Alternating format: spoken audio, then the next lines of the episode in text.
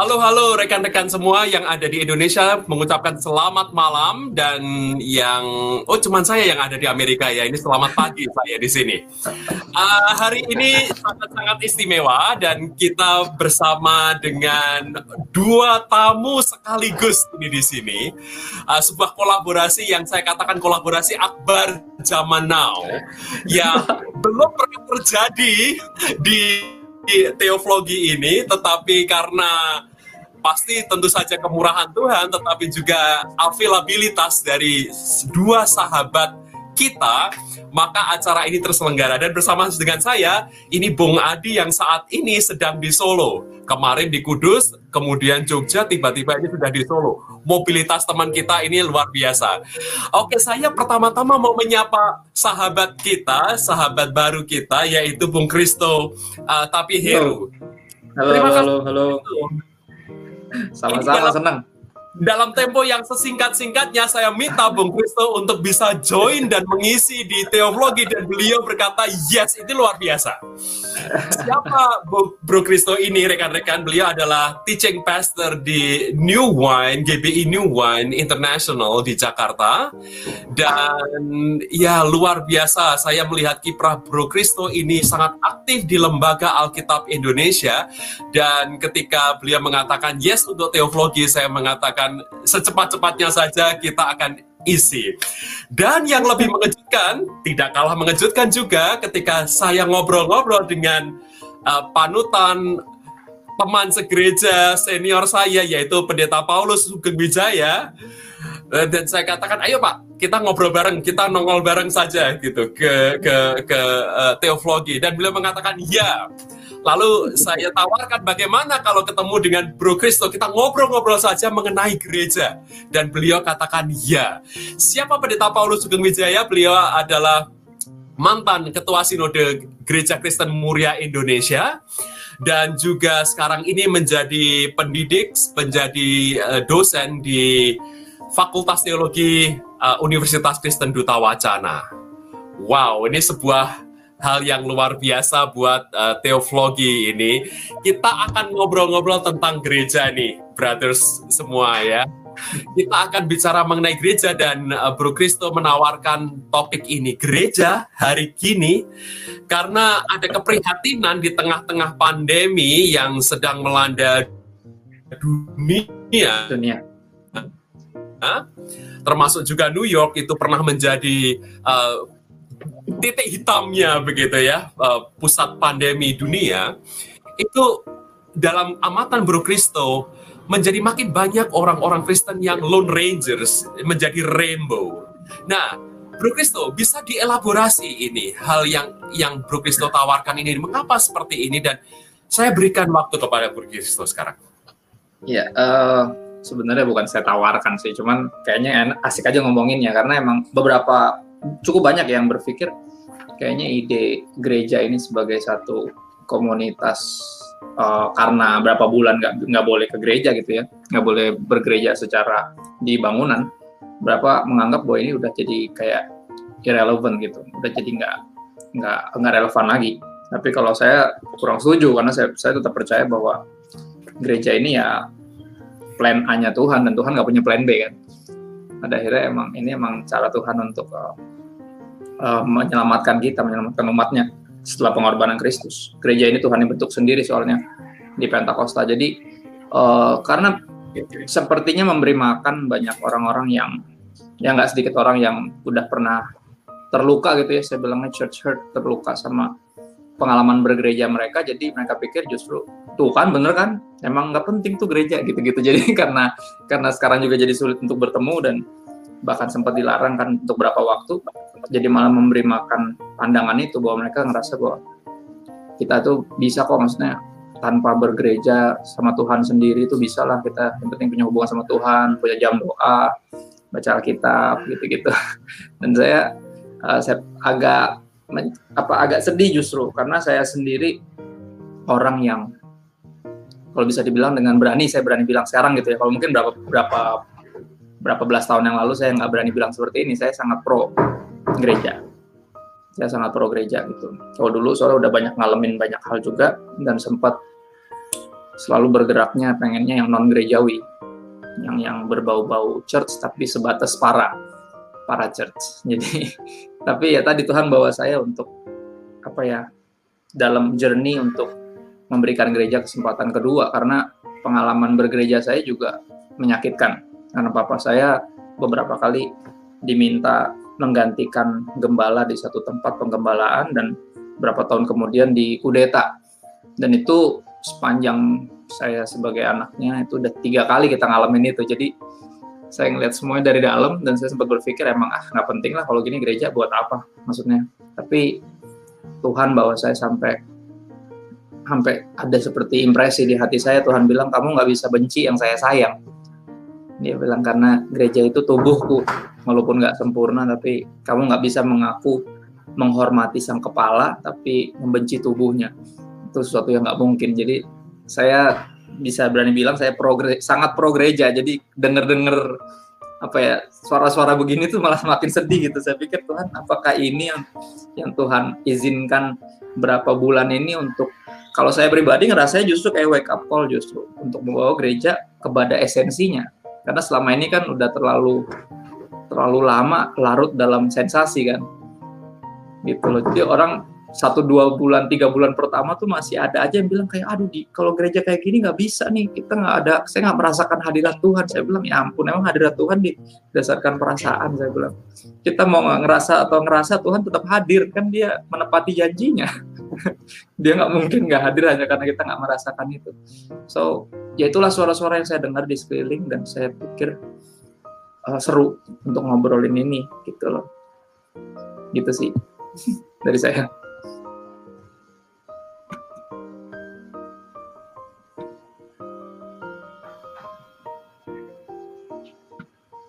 Wah, sepertinya ada kendala internet. Biasa tuh, internet ya, beliau lagi ya. nyampe. sudah New York ya, tapi masih ada kendala internet. Ini buktikan Indonesia lebih hebat. Ya. Iya, saya pikir Indonesia yang paling diangkut internet. Iya, uh, berarti saya lanjutkan salah sini ya. Oh, ya, sudah kembali, silakan. internetnya maaf ini, ini sekali lagi maaf ya tadi, tadi sudah sudah terjadi dan ini terjadi lagi uh, ya terima kasih Bro Kristo um, uh, saya saya mencatat beberapa hal ini uh, bahwa Bro Kristo walaupun mengalami jatuh bangun bersama dengan gereja sebagai anak pendeta juga mengalami tidak nyamannya di gereja tetapi ternyata Bro Kristo itu uh, punya kerinduan dan tetap memiliki uh, yang istilahnya tadi pro gereja gitu kan tetap mencintai ya. tubuh Kristus karena uh, uh, tubuh Kristus adalah tubuh Tuhan sendiri kalau Tuhan ya. itu mengasihi gereja dan mau menyelamatkan orang-orang juga melalui gereja, maka ya. sudah menjadi tugas Bro Kristo juga untuk uh, uh, mengambil bagian di dalam tubuh Kristus. Wah, ya. luar biasa. Terima kasih ini. Um, Nah, dalam dalam masa-masa pandemi ini, Bro Kristo, kalau boleh saya melanjutkan pertanyaan ini, uh, apa yang Bro Kristo uh, lihat, renungkan mengenai gereja? Karena gereja kan ini ini suatu masa yang belum pernah terjadi dan belum pernah terbayangkan oleh siapa pun juga. Bergereja dengan tidak berjumpa, tidak bisa personal touch begitu. Bagaimana jika tubuh iya jika ternyata tubuh itu kan terpecah-pecah kan? Ternyata kan sekarang ini terpecah-pecah. Kita hanya bisa dijumpa perjumpakan itu melalui uh, online begitu. Ya renungan Bro Kristo bagaimana kalau boleh? Uh, Atau malah renungan mau tambah sedikit dulu. Apa, oh iya, boleh, boleh, boleh, tambah, boleh. tambah pertanyaan. tambah pertanyaan, kalian bantu jawab. nah, pertanyaan nah, saya. saya tuh apa? Jadi ingat ya, beberapa tahun yang lalu ya, ketika saya di Jakarta ada ada anak muda yang saat itu tanya, loh, Om, kalau persekutuan apa? Ya, kalau ke gereja kalau saya nonton di YouTube kan juga nggak apa-apa. Nah, wong apa istilahnya feel-nya tuh juga dapat kok. Jadi ngapain saya harus harus pergi ke gereja itu? Ya, feel-nya di YouTube malah juga dapat gitu. Malah ada keuntungan karena nggak usah ngasih kolektor segala macam. nah, lalu ya, saya juga ingat ya ini ini fenomenal. Artinya saat itu ya jauh sebelum ada pandemi ini anak-anak uh, muda memang sudah berpikiran ngapain saya harus pergi ke gereja? Oh, wong saya apa melihat menikmati dari YouTube juga bisa kok gitu ya. Dan, dan tadi istilah dia feel-nya juga tetap dapat kok. Terus akan ya. membedakan itu kalau saya pergi ke gereja itu satu. Kedua saya juga ingat ada mahasiswa saya juga pernah membahas uh, masalah virtual semacam ini. Dan dia juga yakin bahwa kita di dalam apa ya Eh, jaringan relasi virtual ini pun kan juga ada komunitas dia ngomong gitu. Malah sering kali komunitas yang ada di apa ya online begini ini malah tidak sekejam uh, komunitas yang kalau kita ketemu gitu. kalau komunitas Bener yang real lah tadi kayak pengalamannya Bung Kristo tadi kan, nah, dia ngomong itu Jam. komunitas komunitas yang yang real itu tuh kejamnya bukan main tapi komunitas yang kayak kita nih sekarang ini ini kan apa kita guyonan malah gayeng kalau istilahnya orang-orang Jawa itu ya mengatakan ini kan kita gayeng sekali nih komunitas macam begini ini lalu ngapain harus ada komunitas yang real gitu. hmm. yang faktual fisik gitu Ya, ya, ya. ya itu itu saya ingin nambahin itu. Nambahin pertanyaan, Mas Nindyo. Nambahin pertanyaan. ya dalam beberapa bulan ini maksudnya dari khususnya awal-awal sih awal-awal ketika mengalami ya istilah apa ya ini kan saya bilang sebagai interupsi ilahi ya kalau saya anggapnya tuh kayak interupsi ilahi karena uh, sepanjang sejarah pun dari satu movement akhirnya jadi monumen kekristenan itu karena tadi karena dari pergerakan dijadikan agama resmi bahkan agama negara sama Konstantin kan. Nah dari sana jadi monumental bentuknya, jadi bangunan, jadi satu yang fisikal yang sampai detik ini pun juga apa ya masih terus jadi pro kontra untuk orang. Akhirnya anggap ya gereja itu bangunan organisasi padahal gereja nggak pernah berubah. Gereja itu orang-orangnya dari dan saya gitu kan harusnya. Cuman ya belakangan ini saya merasa ada interupsi irahi ketika Tuhan kembali mengajak kita mengingatkan kepada kita bahwa apa jadi Kristen seminggu sekali itu nggak normal gitu. Karena kalau gereja fokusnya udah ke kebaktian, ke pertemuan, ya banyak kan kemingguan pertemuannya. Paling kan mingguan baru sih saya di rumah-rumah. Tapi pada akhirnya ada aja yang orang yang berpikir ah udahlah, saya juga Kristen kok, emang nggak bisa kok Kristen seminggu sekali. Kan yang penting saya gereja hari Minggu gitu. Jadi bulan itu mayoritas jumlahnya orang-orang yang berpikir mereka udah Kristen karena seminggu sekali ke gereja. Tapi ya kalau kita lihat kisah Rasul kan jemaat mula-mula berkumpul tiap-tiap hari kan. Nah, walaupun konteks itu dalam bait Allah, tapi kita sekarang bisa ngumpul tiap-tiap hari lewat begini. Maksudnya walaupun mingguannya nggak bisa ketemu secara fisik, tapi hampir tiap hari itu ada begini, ada Zoom antara sama uh, sama tim gembala kalau saya. Terus nanti ada lagi sama uh, pemuritan saya, terus ada lagi sama komsel di gereja saya. Jadi itu hampir tiap hari itu ada. Jadi aku pikir ya inilah yang Tuhan mau, karena tiap-tiap hari harusnya kita ini truly connected gitu. Dan sekarang kita uh, di, di apa ya difasilitasi dengan kemajuan teknologi sehingga gereja mula-mula atau jemaat mula-mula itu jadi satu kenyataan lagi gitu. Karena kan udah terlalu lama jadi sesuatu yang yang apa ya kebaktian dan jadi Kristen seminggu sekali jadi sesuatu yang jadi normal. Ya dan Tuhan lagi bawa kita balik ke esensinya melampaui semua sensasi tadi. Karena sangat mudah untuk uh, berfokus di cuman kebaktian.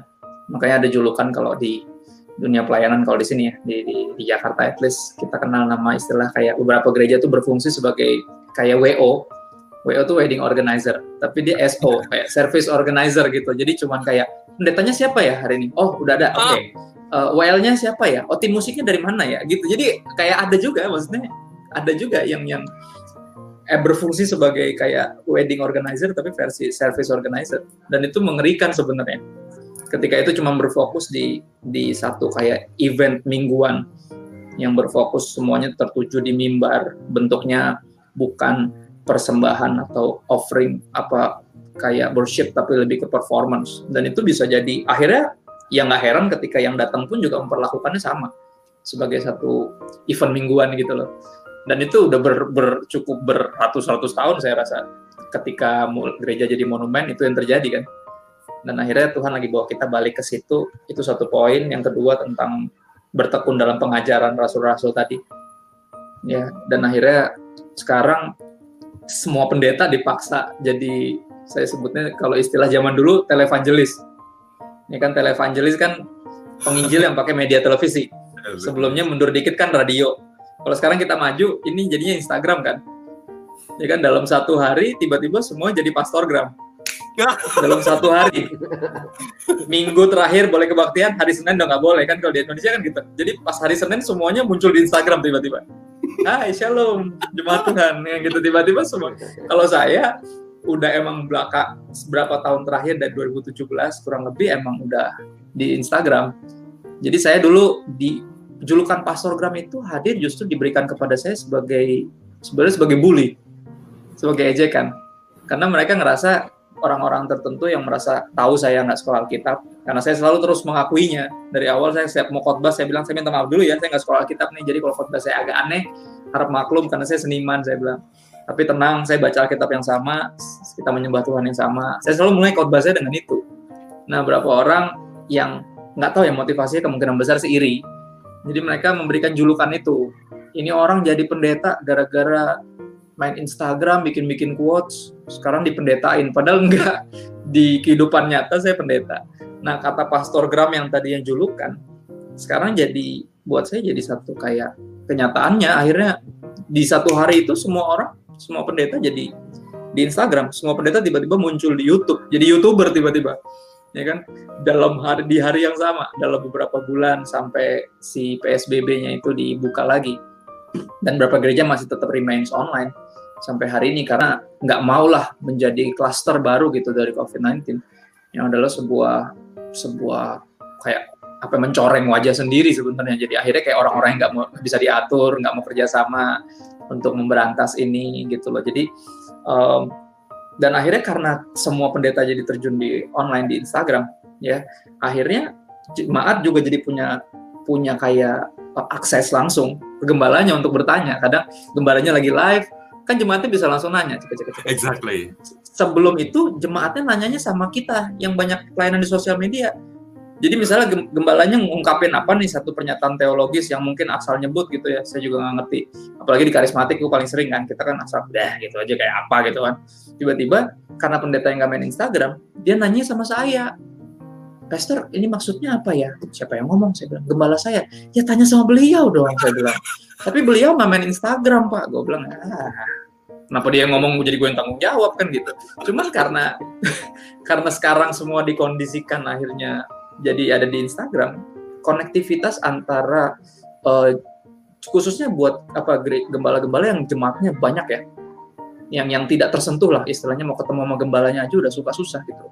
Sekarang jadi mereka sangat dengan sangat mudah ditemui sebenarnya di sosial media di kolom komen atau direct message yang adalah membawa semua orang bisa akhirnya bertekun dalam pengajaran yang sama artinya di lembar yang sama dalam sebuah penggembalaan ini jemaatnya bisa ketika ada ungkapan pendetanya yang membingungkan dia bisa langsung nanya sehingga dia nggak ketinggalan gitu loh. Nggak ketinggalan. Karena kadang kan gitu ketika gembala sharing visi yang nangkep cuman dia punya inner circle-nya doang, sedangkan yang jemaat bingung sendiri, terus mau nanya ke mana kan bingung juga kan. Nah karena era si sosial media ini dan pendetanya akhirnya jadi ada di situ, jadi jadi bisa di lembar yang sama somehow. Dan ini kisah Rasul 242 kan mereka bertekun dalam pengajaran Rasul-Rasul. Jadinya jemaat nggak perlu ditinggalkan gitu loh dalam dalam apa pun itu yang uh, gembalanya ucapkan. Terus yang satu lagi terakhir, uh, bisa jadi share live karena di momen kayak gini um, istilahnya biaya untuk pembangunan gereja atau sewa gedung jadi irrelevant karena gedungnya nggak dipakai mau disewa gimana akhirnya uang yang dikumpulin dalam entah dalam kalau di kita ada perpuluhan ada yang lain-lain semua itu berfokus ke benar-benar membantu jemaat yang uh, beberapa sebagian besar bahkan kehilangan pekerjaan. Karena efeknya kan banyak PHK dan akhirnya semua uang yang kita masukin langsung cepat muternya kita tahu. Kita masukin ke sini langsung dioper oh ini buat bantuin keluarga ini buat bantuin. Jadi akhirnya kita bisa apa ya secara literal literal gitu kita bisa share live. Yang adalah sekali lagi kisah Rasul 432 di mana uh, segala kepemilikan jadi milik bersama somehow. Karena kita langsung tahu karena siapa pun yang kehilangan kerjaan semuanya langsung update langsung tahu dan semuanya langsung turun tangan untuk bantu. Entah nyariin kerjaan nyediain kerjaan bahkan kita jadi buka lapangan kerjaan kadang tadinya nggak perlu sopir cuman aduh ini kasihan ya orang udahlah ini jadi sopir gue deh kan gitu. Yang penting ada kita bisa saling saling apa saling benar-benar hidup dengan kepemilikan bersama. Jadi nggak ada yang berlebihan dan nggak ada yang kekurangan. Dan buat saya interupsi ilahi ini membawa justru um, apa membawa kita ke esensi. Dan itu kayaknya ya kalau menurut saya pribadi kalau nggak pakai ini nggak pakai cara begini kayaknya kita nggak bakal nyampe secepat ini. Rasanya memang kayak uh, kayak lahir abnorm apa lahir yang lebih cepat gitu maksudnya lahir prematur. Prematur. Kayaknya. Karena kan nggak siap tuh tiba-tiba bom gitu kan. Kalau lahir 9 bulan kan udah disiapin tasnya. Ini kan tiba-tiba di bulan ketujuh tiba-tiba lahir gitu kan kaget-kaget tuh. Masih masuk inkubator dan segala macam. Tapi ya itu dia dalam beberapa bulan nih beberapa gereja inkubator sebulan dua bulan habis itu bulan ketiga udah mulai adaptasi. Beberapa masih di inkubator sampai hari ini. Masih terus ngeluh gembalanya aduh kayak gini terus kayaknya nih jemaat bisa saya bilang ya kalau kita berfokus cuma di kebaktian seminggu sekali emang bisa. Mereka ngerasa ini nggak nggak relevan pak. Tapi kalau bapak benar-benar bisa menyikapinya dengan benar dan membuka diri untuk diskusi membuka diri bahkan ke level uh, keuangan yang transparan dari gereja karena langsung yang dibantu ini langsung ngarahin ke sini ngarahin ke situ di mana berbagi hidup itu jadi satu satu apa ya kayak kita dikondisikan untuk melakukan hal itu gitu gitu sih sorry saya agak curhat karena hmm. ini yang yang yeah, yeah. terlalu banyak yang saya dapat tapi at least itu yang utama sih yang saya rasa ini kayak interupsi ilahi untuk bawa kita ke yang Tuhan memang mau dari awal tujuannya gitu. Bro Kristo ini menarik uh, bahwa pandemi ini Bro Kristo lihat sebagai interupsi ilahi dan membuat gereja itu menjadi uh, bukan lagi monumen begitu kan ya tapi gereja harus justru kembali menghidupkan uh, semangat jemaat mula-mula. Ya. Nah, uh, ada ada pertanyaan yang praktis ini dari saya. Yang ya. pertama yaitu uh, dari dari lapangan Bro Kristo, apakah ya. Anda mendengar banyak uh, keluhan, kekhawatiran, concern dari praktisi-praktisi jemaat, pendeta, gembala begitu dengan merosotnya jumlah uh, pengunjung begitu kan dan itu tentu saja akan membawa dampak kepada yeah. persembahan begitu kan. Betul, betul. Itu yang pertama. Tapi yang yeah. kedua juga ada jemaat ada ada gembala-gembala yang takut kalau seandainya ini kan sekarang uh, jemaat dengan mudahnya mengakses uh, cek gereja sebelah ya. Iya, dengan cek mudahnya. Bagaimana dengan pengajaran? Begitu kan itu kan juga terus kemudian menjadi sesuatu yang dulu tidak pernah bisa dibayangkan gitu kan kemungkinan. Yeah. Kalau dulu kan ini gerejaku, uh, ini pengajaran yang aku berikan. Hmm. Ternyata sekarang jemaat kan bisa eh kayaknya pendeta itu lebih bagus daripada gembala gua gitu. Bagaimana bro itu? Uh, di lapangan dari dua sisi ya dari sisi jemaat uh, yang banyak dulu adalah jemaat dari gereja besar yang selama ini berfokus cuman di tadi di kebaktian mingguan. Dan fokusnya tentunya ke tadi pengunjung. Udah kayak mall ya istilahnya pengunjung. Jadi karena gerejanya nggak pernah ada maksudnya concern di misalnya uh, komsel misalnya sel group terus uh, pemuritan Bible study yang yang cuma concernnya cuma di kebaktian mingguan aja. Yang biasanya puluhan ribu biasanya jemaatnya. Nah jemaat-jemaatnya sangat kepikiran untuk pindah gereja. Karena karena boro-boro. Karena nggak ada komsel nggak ada apa apalagi ada bantuan dari gereja ke rumah. Gitu nggak kepikiran dong ribuan orangnya. Dan yang yang ribuan tadi pun dari sudut gembalanya tadi mulai ngeluhnya karena persembahan merosot menurun terus operasional gimana nih bayarnya misalnya atau pembangunan gereja ya apa kabar gitu kan. Aku bilang ya inilah sama gitu. Yang satu ngerasa nggak digembalakan yang ini juga bukan gembala juga pada akhirnya dia udah kayak kayak semacam CEO dari apaan gitu kan. Dan buat saya itu yang di lapangan. Jadi yang ini ngeluh ya masalah itu beberapa uh, takut nggak tahu mau bayar apa semua cicilannya. Ya dan saya pikir uh, gembala saya dengan berani bilang kalau sampai akhir tahun kita gini terus ya kita akan let go the building. Ya kita kan nyewa di di mall gitu ya. Kalau emang we need to let go we need we, we, apa kita kita let go. Tapi yang kita nggak akan let go adalah gereja. Karena gereja bukan bangunannya dia bilang. Gereja ini jemaatnya kita maksudnya saya sebagai gembala.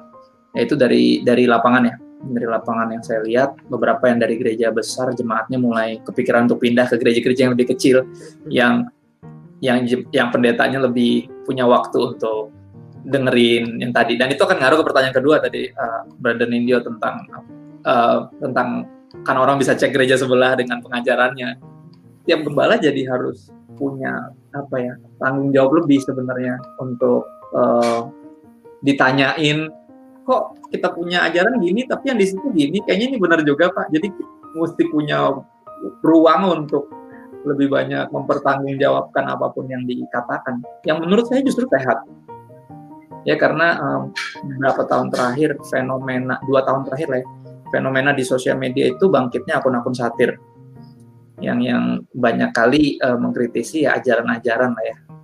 Dan aku yakin itu akun-akun itu muncul karena nggak ada ruang hmm. nggak ada ruang bagi jemaat itu bertanya atau mempertanyakan atau nggak mempertanyakan ya kalau mempertanyakan kayak negatif. At least untuk bertanya lah kepada pada gembalanya. Tapi karena momen seperti ini dan karena orang dengan mudahnya bisa ngelihat ajaran yang lain ya uh, gembala dia harus berfungsi sebagai gembala. Karena karena ketakutan itu mestinya nggak beralasan. Uh, Brother aku selalu bilang sama kalau gini kalau gereja-gereja yang benar-benar gembalanya itu tahu persis gitu yang yang um, benar-benar gembala yang bukan upahan gitu ya. Yang yang men, yang mengenal domba-dombanya yang selalu suportif selalu memberi makan dan rela berkorban. Dan dia bilang kalau saya sih nggak pernah khawatir dia bilang karena domba itu cuma kenal suara gembalanya. Kalau dia dengar gembala yang lain dia malah justru malah nggak percaya gitu istilahnya. Jadi aku aku pikir ya itu apa membawa setiap bahkan gembala untuk introspeksi seberapa jauh saya mengenal teman saya dan seberapa jauh mereka juga mendengarkan istilahnya yang Tuhan berikan kepada melalui saya tuh kebenaran firman Tuhan itu. Dan jadinya tiap kalau secara konten ya secara konten khotbah karena semua harus ditaruh di online kita jadi menutup ruang untuk kebiasaan buruk sebenarnya dari pembicara atau pengkhotbah untuk uh, saya bilang gospel gosip pelayanan jadi kadang dari mimbar tuh bisa ngomongin orang. Yang mestinya kan nggak nggak etis gitu ngomongin orang. Cuma kalau gereja tuh terkungkung di satu untuk kalangan sendiri dia dia doang punya kecenderungan untuk kayak gitu kan dia bisa nyindir pendeta lain yang begini tapi ketika semua ditaruh di online kita akan mulai memikirkan untuk um, sama sekali nggak nggak nggak bertingkah seperti itu bahkan bisa uh, memberikan khotbah-khotbah yang lebih dalam tanda kutip ya lebih universal gitu loh istilahnya walaupun saya nggak suka kata-kata itu karena oh lu universalis nanti gitu lagi kan. Enggak saya nggak universalis cuman saya percaya Yesus mati buat semua orang nggak ada bintang kecil syarat dan ketentuan berlaku dia mati buat semua orang. Gitu loh. Ya walaupun semua orang punya kesempatan untuk percaya atau tidak yang itu yang akan menentukan. Ini kan Yohanes 3:16 itu kan eksklusif dan inklusif di saat yang bersamaan. Jadi karena semua yang mesti ditaruh di online jadi kita lebih kalau dari sudut pendetanya jadi lebih bertanggung jawab karena akan dilihat semua orang. Bukan cuma semua orang Kristen dari berbagai gereja tapi benar-benar semua orang. Ya kita nggak bisa lagi nyeletuk-nyeletuk yang nggak jelas atau nyindir-nyindir itu. Terus udah nggak ada ruang buat itu. Yang adalah sehat sebenarnya. Saya percaya justru harusnya memang mimbar itu terlalu kudus untuk dipakai. Gospel itu Injil bukan gosip pelayanan gitu. Ya kan gospel gospel. Mestinya kan enggak gitu. Jadi ya itu sih dari saya yang saya banyak dapat keluhan dan um, saya lihat tapi malah justru jadi sehat sih. Tuhan lagi kalau bahasa komputer tuh kayak dikalibrasi lah. Yeah. kita lagi dikalibrasi baik gereja maupun hamba-hamba Tuhan yang baik dan juga jemaat. Itu sih. Pesan ada ada ada satu dimensi bung yang saya perhatiin ya. apa terjadi semasa pandemi ini ketika kita semua kemudian sekarang bicara tentang apa bukan hanya work from home tapi juga worship from home. Worship from home ya. uh, Iya. Dan saya selalu mempertanyakan itu kalau kita ngomong worship from home itu apa from home itu saya selalu ngasih catatan for whom gitu loh. For whom? Ya, karena nah, karena yang saya amati begini, saya amat kalau sekarang ini saya mengamati umatnya ya.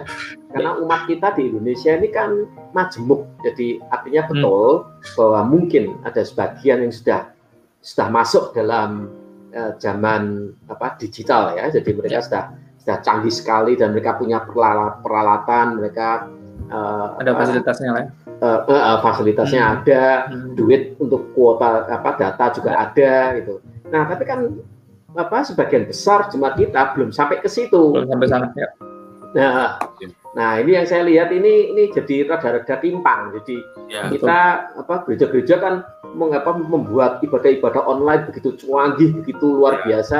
Ya. Tapi itu tadi pertanyaan saya, for whom? Itu jadi betul. yang kita sediakan ini ini buat siapa? Lalu umat kita yang itu ya, yang senior, yang memang ya. gaptek, nggak nggak ya. tahu gimana caranya mencet apa apa iya, iya, iya, iya. handphonenya gitu. Persis. Ya, nah, ya. nah ini, ini ini jadi pertanyaan saya. Ini terus mereka mereka ini terus diapain itu selama pandemi ini? Persis. Pak Paulus, saya juga mempunyai catatan itu. Bagaimana dengan jemaat, uh, warga jemaat yang akhirnya nggak punya akses ke internet. Betul. Jadi di satu sisi, interupsi ilahi ini juga seperti widen the gaps begitu antara hmm, orang yang have, ya hmm. betul, yang yang punya privilege dengan yang yang apa yang beruntung dalam tanda kutip tidak punya uh, uh, akses di jemaat kami di di di Manhattan yang uh, bro bro ini juga bisa melihat bahwa walaupun Manhattan ini pusatnya katakanlah dunia, tetapi internet kan bisa naik turun seperti tadi. ternyata lebih parah dari di sini ternyata. Oh, Makanya itu saya Manhattan pinggiran itu. Oh, itu ya gitu ya. Harlem, Pak Harlem. Makanya saya itu biasanya dibully sama teman-teman di teologi gitu. Internet di Manhattan tapi kok uh, begitu gitu kan. Uh, yeah, yeah tapi memang misalnya dalam pengalaman gereja kami, gereja kami itu sedikit bro, uh, jemaatnya yang aktif itu paling uh, 25-30an orang. Hmm. Dan ada satu orang yang homeless dia dan okay. tidak punya akses ke internet begitu. Hmm. Hmm. Dan karena dia homeless juga dia nggak punya tempat untuk bisa tem, uh, yang sama partai hmm. yang yang bisa tune in uh, kemudian bisa uh, akses ini kan ini yeah. ini untuk worship from home hmm. dan ini tantangan tentu saja nah dalam amatan uh, Bro Kristo tapi juga nanti Pak Paulus dan juga Bro SAW menurut saya bagaimana dengan hal ini ya yeah. uh, kalau bagi saya pribadi ya ini karena saya juga uh, jemaat kami juga jumlahnya nggak terlalu banyak ya istilahnya. Dan gini, uh, gap itu ada, tapi ini yang menarik saya ngelihat fenomena bahwa justru orang yang senior harus jadi yang paling high tech karena mereka yang paling di paling rentan untuk terkena dan sulit sembuh. Ya beberapa akhirnya malah berpulang. Itu yang dibilang dari yang justru paling rentan itu bahaya anak kecil karena mereka punya uh, concern ke higienitas, jaga jarak itu kan nggak ada. Karena anak kecil tuh bisa ngapain aja, cium-ciuman sama siapa, peluk-pelukan, guling-gulingan di lantai gitu kan. Nah kalau orang tua sebaliknya karena akhirnya sebenarnya ini yang aku bilang jadi kalau di kita ya kita akan mengupayakan cara cara-cara yang unik misalnya seperti ini. Khotbah gereja, dari gereja misalnya udah udah jadi dalam bentuk link tapi juga kita punya misalnya MP3 atau videonya dan itu kita masukkan dalam USB dan kita taruh kita kasih aja maksudnya ini siapa yang perlu. Kalau dia butuh perlunya denger audio bisa dijadiin MP3 audio buat di play di pokoknya masih tetap berkaitan sama teknologi karena bagi saya pribadi yang pasti minimal orang paling nggak di rumah punya TV ya, hmm. kalaupun nggak punya koneksi internet. Kalau USB kan bisa rata-rata TV sekarang udah pakai itu. Kalaupun nggak pakai itu sekarang adalah tugas anak-anak sebenarnya. Yang rata-rata udah yang adults udah punya keluarga, udah punya penghasilan yang cukup untuk perhatikan orang tuanya sendiri. Kalau di tempat saya, ya kalau di tempat saya ada benar-benar ada satu orang tua istilahnya yang anaknya itu udah udah benar-benar di luar kota. Dia baru jadi janda istilah suami baru lama meninggal.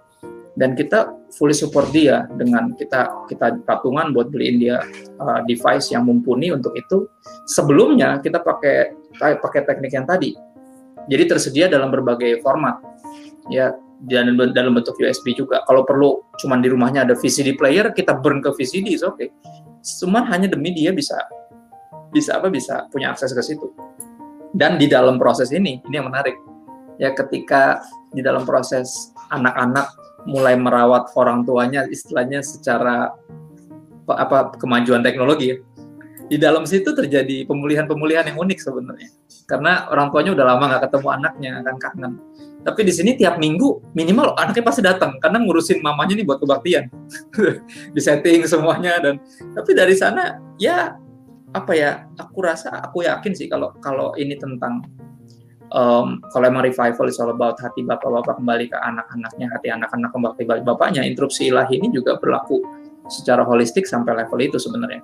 Sampai ke perhatian orang orang-orang yang lebih muda kepada khususnya orang-orang tua mereka gitu. Dan akhirnya saya bilang sama papa ya papa saya juga belakangan ini akhirnya di adik-adik saya beliin dia tab yang lumayan bagus dan buat dia ngajar juga dari rumah internet mulai diberesin di rumah dan dia jadi yang paling high tech sebenarnya. Yang yang paling senior justru yang paling high tech karena dia yang paling butuh itu karena paling berbahaya dia nggak boleh keluar ketemu orang juga paling nggak boleh dan akhirnya kita sebagai anak-anak yang punya tanggung jawab sebenarnya untuk memperlengkapi orang tua kita. Dan kalau dalam konteks bergereja saya yakin juga sama. Ya istilahnya yang punya uh, finansial lebih lebih bisa saling yang berlebih, berkelebihan bisa sisihkan untuk bantuin yang yang yang untuk memperlengkapi itu. Sampai level kalau di uh, di tempat saya bergereja ada ada yang dibeliin TV sampai karena kita karena kita benar-benar concern. Ini kan kita nggak tahu sampai kapan ya artinya awal satu dua bu satu dua bulan kita sempat kita kasihan juga ya dia setiap kali mau ini kuotanya habis dan segala macam. Sekarang kita udah sampai level bukan cuma ngasih beras lagi kadang kita beliin kuota juga gitu hanya untuk di lembar yang sama tadi gitu loh. Jadi buat saya banyak yang bisa diakalin sih. Beberapa daerah di Indonesia kan waktu waktu dilarang kebaktian gitu ya mereka sampai taruh speaker di luar gereja jadi di kebaktian terus kedengeran ke mana-mana. Tapi itu daerah yang apa ya daerah-daerah yang Kristen. Jadi ya yang yang bisa dilakukan hal itu kan. Kalau enggak kan semua terganggu. Dong kayak gila lu kebaktian speaker lu taruh di luar. Yang adalah sebenarnya kita juga dari dulu kalau di Indonesia kan speakernya di luar juga yang lain kan. Kita pasti dengar kan soundtrack maghrib kita dengar soundtrack apa kita dengar maksudnya eh, sekarang saatnya kita mulai berbangsa dan bernegara berbineka dengan benar gitu loh. Kita lagi nggak boleh kebaktian nih di gedung boleh nggak sih kita kebaktian dari sini sehingga semua orang bisa dengar dan dan itu beberapa daerah di Indonesia pakai itu buat saya atau yang ini yang lebih lucu lagi yang yang mereka pakai um, mobil bak. Terus pendetanya khotbah dari atas mobil terus ada juga yang kayak gitu jadi kebaktian itu dibawa iya kayak kayak orkes keliling gitu. Dan buat saya apa ya upaya-upaya demikian uh, unik dan juga kalau saya kalau saya pribadi ya saya lebih ngerasa heartwarming karena artinya kepedulian masing-masing jadi lebih tinggi gitu. Sampai kita mikirin tadi gimana ya buat yang ini si oma ini si mbah ini gimana ya kebaktiannya misalnya? Atau yang tadi kayak uh, Brownindo bilang tentang yang homeless ini gimana ya? Ya kita mesti mikirin itu juga dan ya puji Tuhan udah ada upaya-upaya itu sih at least kalau saya ngeliatnya ya di dalam ya di, di, di gereja saya cuma kalau di gereja lain saya nggak ngerti upayanya seperti apa tapi kadang upaya-upaya yang ekstra begini ketika teman-teman saya yang dari gereja-gereja yang lain tadi yang udah mulai ngedumel sama gerejanya, gereja saya nggak peduli, nggak ada bantuan, yang bantuin malah RT. Dia bilang, nah orang-orang ini malah kepikiran untuk apa gue pindah gereja lu aja kali ya? Maksudnya, jangan, saya bilang jangan dong, masa gara-gara gitu doang. Tapi ya itu bisa jadi nilai plus dan kita nggak ada ruang untuk uh, untuk cuek lagi sebenarnya karena kayak gini kan kita mesti saling memperhatikan. Kalau dulu mungkin cuma sekedar habis dengar khotbah, kita tanya sama si Mbah, Mbah, gimana Mbah tadi khotbahnya ngerti nggak? Gitu. Oh iya ngerti, tapi tadi ayat yang ini maksudnya gimana ya dek? Oh iya paling itu. Kalau sekarang Mbah, kebaktian kemarin ikut nggak Mbah? Gitu. Wah nggak ini nggak ada yang ngurusin gini-gini. Oh iya kita mesti mulai mikirin gitu loh. Dan itu yang kalau saya di, di tempat saya kita sampai level sampai level situ sampai kita bisa urunan minggu ini buat beliin siapa handphone handphone dia nih jadul kita ganti yang baru. Oh segini. Oke okay, kayak kayak Kickstarter gitu. Kickstarter buat TV buat Oma ini gitu. Gitu. Dan itu kalau di gereja saya karena gereja keluarga ya jadi jadi bisa kayak gitu. Tapi ya nggak tahu kalau di tempat-tempat yang lain. Tapi saya dengar banyak dari kesaksian uh, banyak ini ya ada kayak keluarga yang tadinya yang Kristen banget tuh cuman orang tuanya. Jadi anak-anaknya tuh ya Kristen-Kristenan lah Kristen-Kristen fasik gitu nggak terlalu peduli tapi ketika mereka lihat upaya gereja untuk mamanya bisa kebaktian. Anak-anaknya tuh sampai kayak tiba-tiba nanya IG pendetanya. Terus dia DM, Pak Pendeta, thank you ya, gini-gini. Saya malah kaget juga, maksudnya sampai gereja tuh merhatiin, sampai mama saya tetap bisa kebaktian, dan thank you. Dan dari situ ya, beberapa malah jadi jadi bergereja, beberapa daftar gitu. Cuman dari ke kepedulian yang kecil-kecil begitu. Yang kayaknya gitu doang, tapi efeknya gitu banget. Dan saya rasa tadi saya tetap memandangnya interupsi ilahi ini global sih. Global. Walaupun ya pelaksanaannya tadi eh, nggak semuanya sampai concernnya ke sana. Cuman kita kalau saya di tempat kami sampai mikirin ke hal-hal yang kecil gitu. Kita bikin format MP3 yang bisa langsung dioper di email di di distribusi dengan USB dan segala macam dengan harapan ya tetap semuanya bisa tetap ikut lah ya dengan cara bagaimanapun. Atau ada yang tetap bikin kayak kayak apa? Transkrip transkrip dari khotbah juga ada. Wow. itu dikirim via surat. Jadi kayak ada warta tapi khusus isinya cuma khotbah doang. Jadi yang orang-orang tua bisa antara kalau mereka masih bisa baca atau minta susternya kadang bacain ada juga. Jadi semua format kita upayakan untuk ada gitu loh. Dengan tujuan ya no apa ya family means no one's left behind ya kan keluarga artinya nggak ada yang ditinggalkan. So kita pengen siapa pun bisa tetap bergereja, tetap bisa kebaktian dalam tanda kutip, walaupun nggak semua seberuntung, ya masing-masing punya fasilitas yang ini belum tentu punya.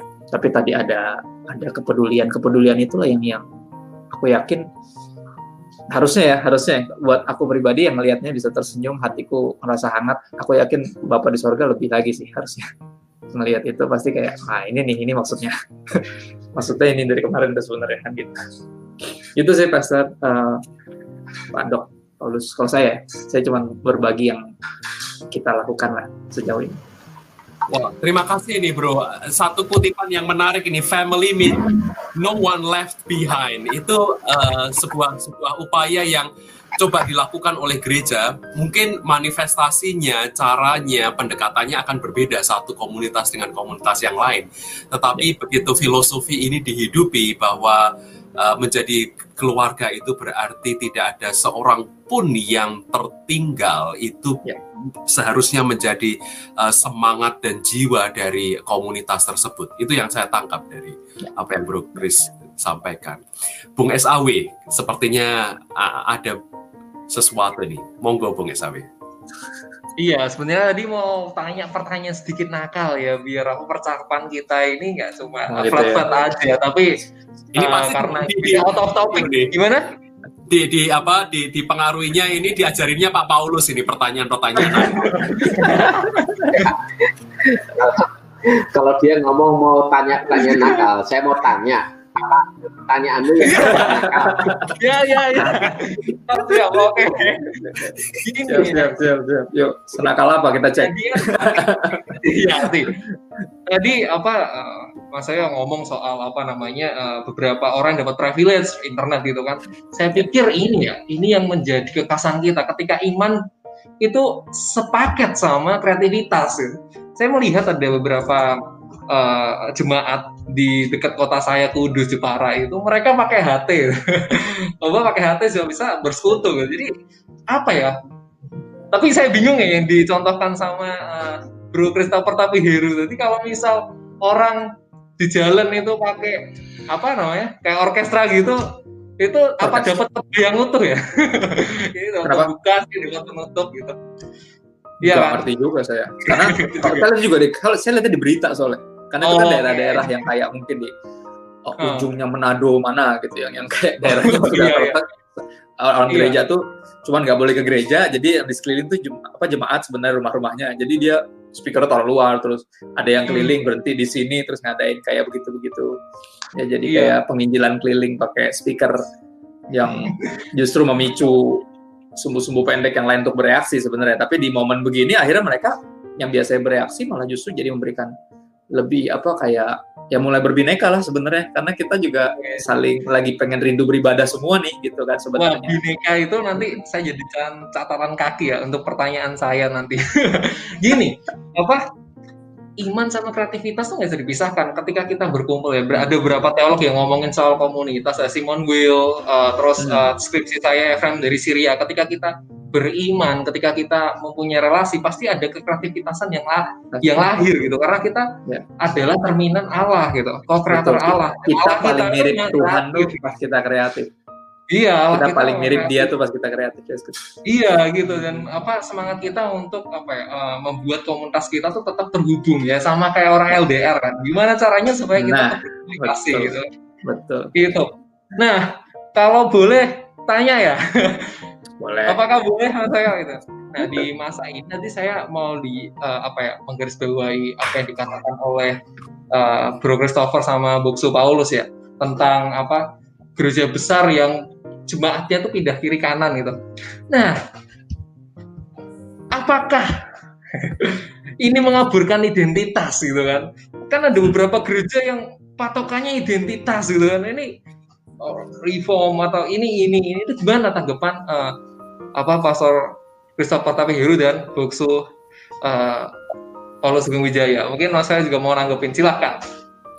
Saya mau menambahi masalah ini karena ya. dengan kita Bu SAW ini kan berarti bukan dokter Paulus yang jawab ini saya nggak ikutan. Ya, makanya saya mau saya mau saya mau minta beliau ini sekarang untuk yang jawab Bro Kristo karena apa? Karena bersama dengan kita ini kan pakarnya karakter gereja ini. Kalau nggak iya, gitu.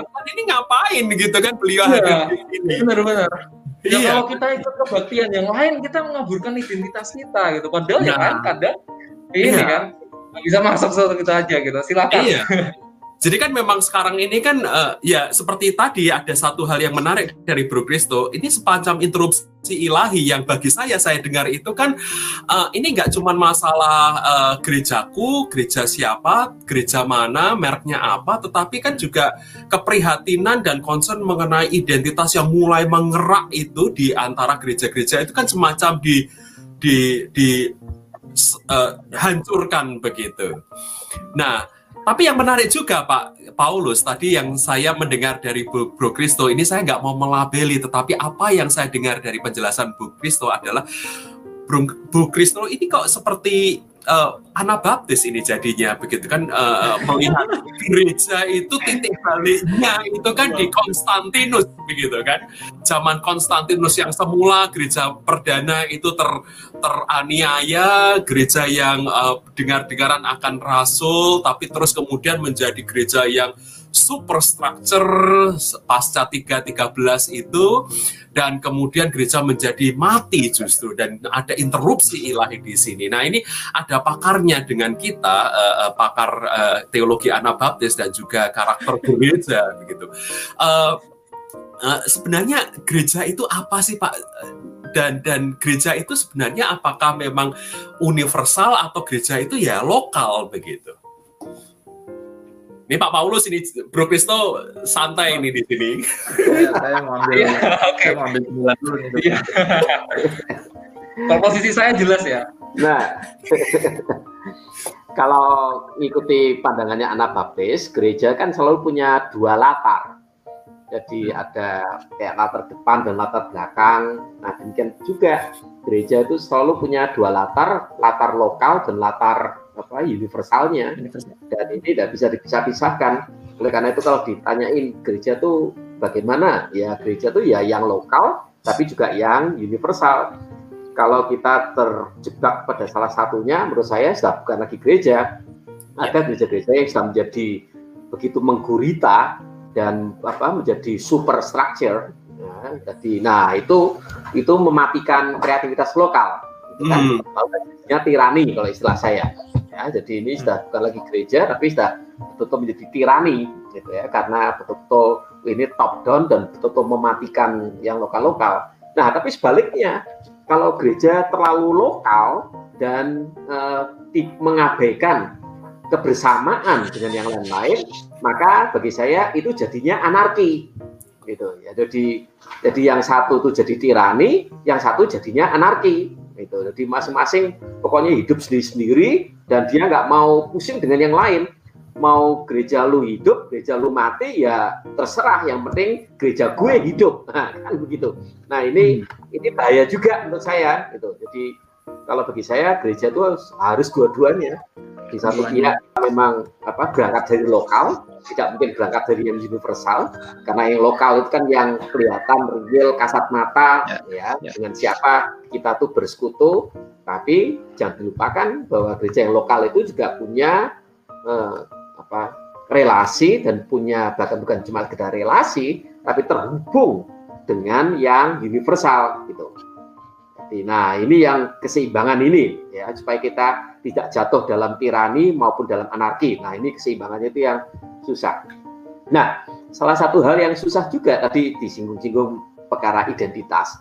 Nah, kenapa susah atau kenapa kok apa, umat kita itu kali sekarang ini pada lompat mager ya?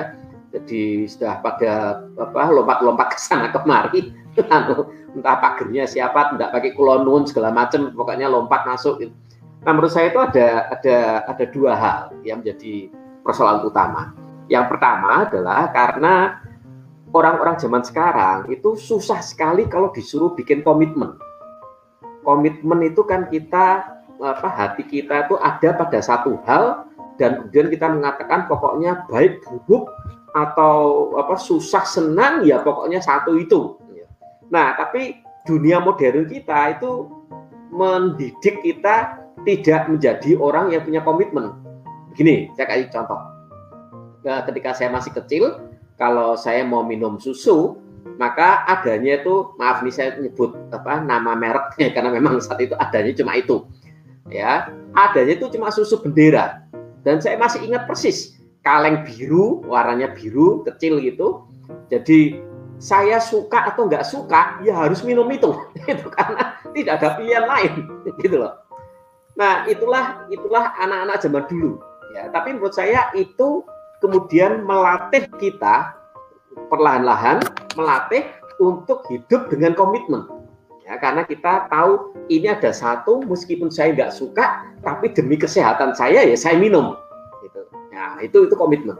Tapi kalau anak-anak zaman sekarang kan kan beda gitu, tidak lagi begitu. Sekarang itu kalau ada ibu yang mau membelikan susu buat anaknya, mamahnya yang bingung gitu.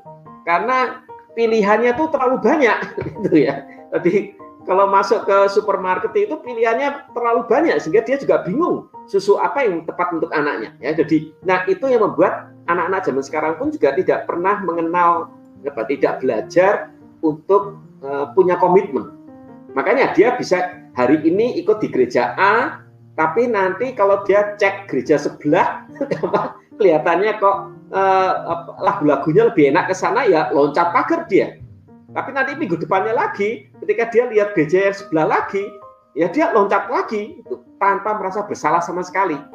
Itu karena apa? Dia tadi karena kemampuan kita untuk membuat komitmen itu sekarang ini itu menurut saya persoalan utama bagi masyarakat modern. Ya, jadi kita susah untuk membuat komitmen karena tidak demikian. Sama seperti saya sering kali itu uh, kalau ngecek apa tes dengan anak-anak muda, yang saya tanya siapa yang HP-nya itu usianya lebih dari dua tahun, itu jarang sekali yang ada itu. Jadi HP yang mereka HP yang mereka miliki itu maksimal itu dua tahun deh. Itu sudah dua tahun aja sudah dikatakan jadul gitu ya. Jadi tiap tahun ganti tiap tahun ganti gitu ya. karena apa ya muncul terus versi yang baru gitu. Nah, ya. ini yang apa budaya semacam ini yang memang harus kita tidak perlu kita lawan karena memang tidak bisa karena memang itu ada, tapi harus kita siasati itu. Sebab kalau tidak kita siasati, kalau kita ikut arus saja, nanti akibatnya itu pada karakter kita. Jadi kita akhirnya susah untuk membuat komitmen itu itu satu dan kemudian kita juga susah sekali untuk memilih. Makanya eh, kita jadi susah juga memilih kalau ditanyain kamu anggota gereja mana ya, susah jawabnya ya karena itu tadi sama seperti kalau kita sekarang tanya pada anak-anak muda kita kamu senang HP apa? Ya, susah jawabnya juga dia. Karena dia tahu kalau saya dia jawab yang HP A versi ini. Siapa tahu minggu depan ada lagi versi yang baru. Ya kan? Makanya dia tidak pernah bisa jawab. Itu. Sama kalau kita tanya anak-anak muda sekarang ini apakah kamu apa senang dengan cewekmu ini Ya, iya, tapi masih ada catatan kakinya. Kan karena di depan ketemu versi lebih baru. ya kalau ada versi lebih baru ya ceweknya ditinggalin gitu loh. Nah, itulah menurut saya itulah situasi kita masyarakat kita saat ini. Ya, jadi uh, di situ kita harus pandai-pandai membawa diri termasuk orang-orang Kristen dan memang ini pekerjaan rumah yang paling susah dilakukan ya bagaimana ya. kita apa menanamkan uh, umat kita untuk bisa punya komitmen. Ya jadi tidak tidak begitu gampang untuk pindah-pindah gitu ya. Untuk berani mengatakan ya I do. Nah gitu loh. Senang atau suka I do. Gitu loh. Ya kan? Yeah, yeah. atau atau atau sakit I do. Nah itunya loh I do-nya itu loh yang sekarang ini susah sekali. Ya, tapi menurut saya itu pekerjaan rumah yang besar yang harus dilakukan para pastor pada zaman ini. Uh, ini, ini Pak Paulus dengan Bro Kristo. Ini ini ada satu hal yang konkret ini yang sebenarnya Pak Paulus sampaikan. Flip side daripada komitmen tadi adalah begini. Sebenarnya keanggotaan gereja itu masih perlu atau enggak sih dalam kondisi yang seperti ini? Seru nih. Ini siapa yang jawab nih silakan dari Bro Kristo sebagai seorang uh, praktisi Pak Paulus sebagai uh, uh, apa sarjana, monggo silahkan. Bu, Bung SAW juga. Hmm. Kalau bagi saya pribadi masih masih tetap masih tetap perlu, masih tetap penting. Makanya dalam beberapa bulan ini pun kita juga ada aja yang mendaftar pakai apa form online mau mendaftar di gereja saya jadi jadi anggota. Saya bilang tapi kita nggak bisa ketemuan nih, belum bisa ketemuan. Dia bilang it's okay. Karena uh, saya udah ngelihat maksudnya kepedulian satu sama lain, terus uh, concern dari bahkan dari pihak gereja sendiri untuk tiap jemaatnya dan mereka tersentuh di situ. Karena ya pada akhirnya yang kita tahu ini kan uh, keluarga uh, gereja itu kan kayak keluarga rohani. Ya dan kadang orang selalu uh, berpikir ah saya terlahir di keluarga ini ya udahlah saya di sini. Tapi pada akhirnya pasti udah gede dia akan pergi dan bangun keluarganya sendiri gitu loh mana yang dia pikir ideal mana yang kalau buat aku pribadi uh, jelas masih perlu berapa orang yang pemikirannya uh, istilahnya rasional kan ada pendekatan emosional dan rasional kalau bergereja. Yeah. Yeah. Orang bilang kayak ah ngapain sih ke gereja gini-gini segala macam. Terus aku pernah berdebat sama teman baikku sendiri yang punya church hurt dia tadinya pelayanan terus sekarang udah bertahun-tahun kemudian nggak pelayanan terus aku bilang gini ya at least kalau lo mati ada yang nguburin bro. Aku bilang gitu. Dan dia tiba-tiba pikir tapi at least kalau pas lagi penghiburan tuh jelas gitu loh siapa yang mimpin gitu. Gereja mana yang mimpin kan? Karena dia tuh saya pas saya ngomong gitu dia berhenti ngedebat. Tiba-tiba dia diem terus nunduk. Ya emang bener. Pada akhirnya at least kita mikir rasional aja dulu gitu. At least kalau di, era ini adalah tadi. Apa maksudnya bantuan sosialnya? Kalau nggak dari RT kalau dia bergereja ada bantuan dari RT dan ada dari gereja at least itu dulu itu secara rasional. Tapi kalau secara emosional tadi um, buat bertumbuh selain air dan pupuk ya kadang mungkin air di, di sebelah lebih seger pupuknya lebih oke. Okay. tapi yang dibutuhkan untuk bertumbuh adalah tanah. Dan tanah itu selalu kebicara tentang gereja. Mesti ada tempat kamu untuk kamu bertumbuh. Kalau dipindahin terus kapan numbuhnya kan gitu. Jadi aku tetap percaya um, keanggotaan itu tetap tetap apa tetap penting kalau emang nggak penting makanya berapa bulan ini harusnya nggak ada pertambahan. Tapi dengan uniknya ada aja yang daftar gitu. Cuman dari kalau soalnya kalau dengar bicara orang dengar khotbah gitu ya saya rasa nggak ada yang masuk gara-gara dengar khotbah itu. Tapi karena tadi banyak yang ditaruh update jemaat ngasih hmm. gereja cuma bilang thank you buat uh, pemberian jemaat dalam jumlah segini sudah kita arahkan ke bantuan ke beberapa jemaat yang membutuhkan dan itu ditaruh. Cuma jadi pertanggungjawaban doang. Jadi ketika pertanggungjawaban itu ditaruh di di public display demikian itu tuh jadi ternyata uh, membuat orang ber, uh, berpikir ulang memikirkan apa consider ulang tentang uh, keanggotaan gereja at least. Itu secara rasional doang baru. Baru dari sana udah udah terkonek ininya udah nyambung nih mereka udah ngerasa perlu baru di sininya bisa secara natural pelan-pelan dengan interaksi dengan gembala, interaksi dengan pendeta-pendetanya, ya dengan sesama jemaat di situ bisa bertumbuh. At least di sininya dulu nih menyadari bahwa kita yang membutuhkannya, gitu loh. Dan uh, apa ya? Dan itu sih kalau aku yang dari dari di lapangan yang kita lihat kenyataannya bahwa justru beberapa anggap ini udah mulai nggak relevan, tapi ada ada yang anggap justru malah bermulai consider untuk ah, saya mau tertanam deh sebelumnya ternyata mondar mandir pindah-pindah terus gitu nah di Manhattan kayak sinyalnya nyangkut lagi iya silakan Bung Kristo disambung dulu udah aku sih segitu aku oh, oke okay. dok dokter harus semua nambahin pastinya penting nggak tuh dok Oke, terima ya. kasih. Ini silakan Mas saya banyak lagi di sini. Pak Paulus, Pak Paulus. Pak Paulus, ya, mari Pak Paulus. Ya keanggotaan itu bagi saya sih tetap penting gitu ya. Jadi itu yang tadi saya katakan ketika kita menyatakan diri menjadi anggota sebuah gereja itu itu I itu itu. Itu. itu. Jadi apa bukan sekedar formalitasnya ya, tapi kan sebuah deklarasi. Nah, apalagi saya sebagai seorang anak baptis, eh, kami tidak membaptis anak-anak.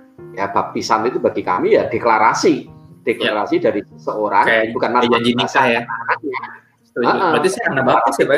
Yang memang sadar berdasarkan hati nuraninya, berdasarkan rasionalitasnya dia, bahwa dia memang memilih untuk masuk dalam komunitas ini dan hidup dengan komunitas ini gitu. For better or worse. Nah gitu. Terus saya itu itu pentingnya di situ. Ya, ya, ya, ya. wah terima kasih. Ya. uh, rekan-rekan ini ada ada tanggapan dan pertanyaan ini dari Bung Rudi Rehabeat uh, Pak Paulus dan Bung Kristo bagaimana gereja tampil berbeda dengan mengaktifasi kekuatan roh untuk memperbarui dunia yang gemetar karena pandemi COVID-19. Wow. Gile. Saya gemetar membaca pertanyaannya ini gimana? Seru mengaktifasi kekuatan roh untuk memperbarui dunia. Ya pada akhirnya ya kita apa roh akan membawa kita tetap hopeful tetap hopeful di tengah semua ini dan hopefulnya kita itu akan selalu jadi seperti terang di tengah kegelapan. Orang akan malah, malah bertanya, kok lu bisa tetap tenang, kok bisa tetap bersyukur, bisa tetap bantuin orang, padahal lu juga lagi perlu. Yang gitu-gitu tuh buat saya, udah saya yakin tuh udah pasti uh, kekuatan ilahi, pasti dari sorga gitu loh, untuk membuat kita tetap bersuka cita, tetap um, berharap, ya tetap peduli, ya dan itu akan selalu mempengaruhi dunia sekitar sih. Karena akhirnya orang akan mulai bertanya, pengharapan apa sih yang kamu punya sampai segitunya maksudnya? Orang bisa sampai segitunya dan kita itu momen paling tepat selalu untuk menginjil. Pada akhirnya sebagai seorang penginjil juga aku percaya nggak ada orang yang jadi Kristen gara-gara kalah debat. Ya orang jadi Kristen karena ketika kita memaparkan pengharapan yang ada pada kita, mereka akan menemukan bahwa itu berbeda dari yang ditawarin sama yang lain gitu. Jadi bagi saya kekuatan roh tadi gitu ya nggak perlu diaktifasikan pada akhirnya itu justru jadi apa ya uh, this storm ya apa this flood atau si banjir ini justru reveal. Ya reveal kita punya dasar berharap tuh Kristus dan firmannya atau yang lain.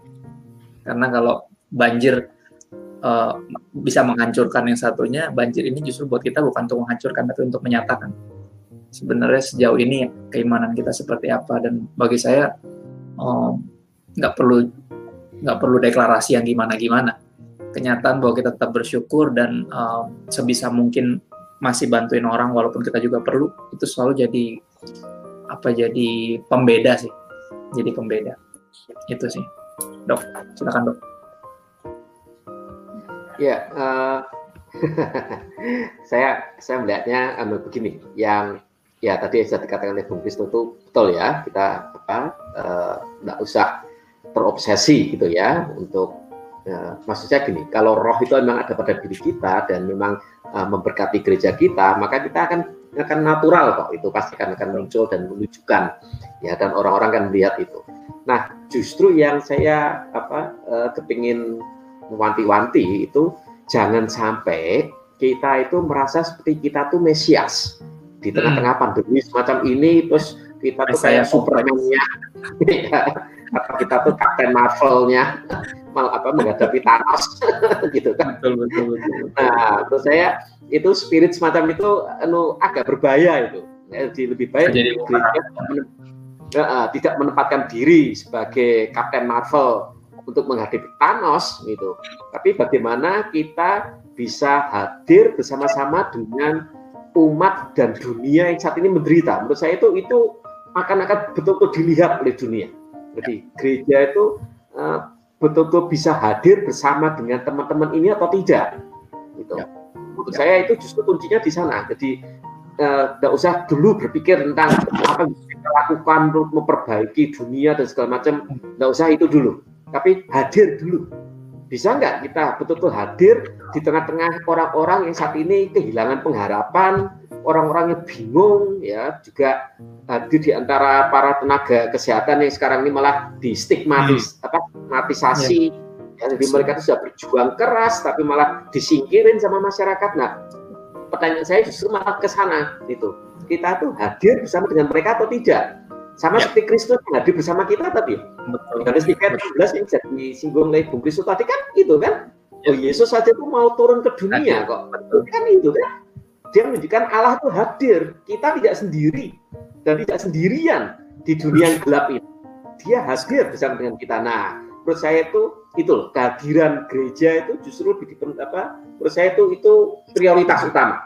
Ya, hadir dulu bersama dengan teman-teman yang menderita yang apa di tengah-tengah dunia yang sekarang ini lagi kalang kabut gitu dan tidak perlu apa punya apa ya nafsu untuk kita tuh mengubah dunia. Nggak usah deh yang mengubah itu nanti biarlah Roh Kudus itu loh ya. ya itu kita tidak berkuasa untuk mengubah. Ya tapi kita hadir menunjukkan solidaritas kita ya bersama dengan mereka yang menangis kita menangis. Bersama dengan mereka yang tertawa kita tertawa. Nah menurut saya kok saya lebih nyaman melihat gereja dengan peran semacam itu gitu ya. daripada peran sebagai superhero gitu.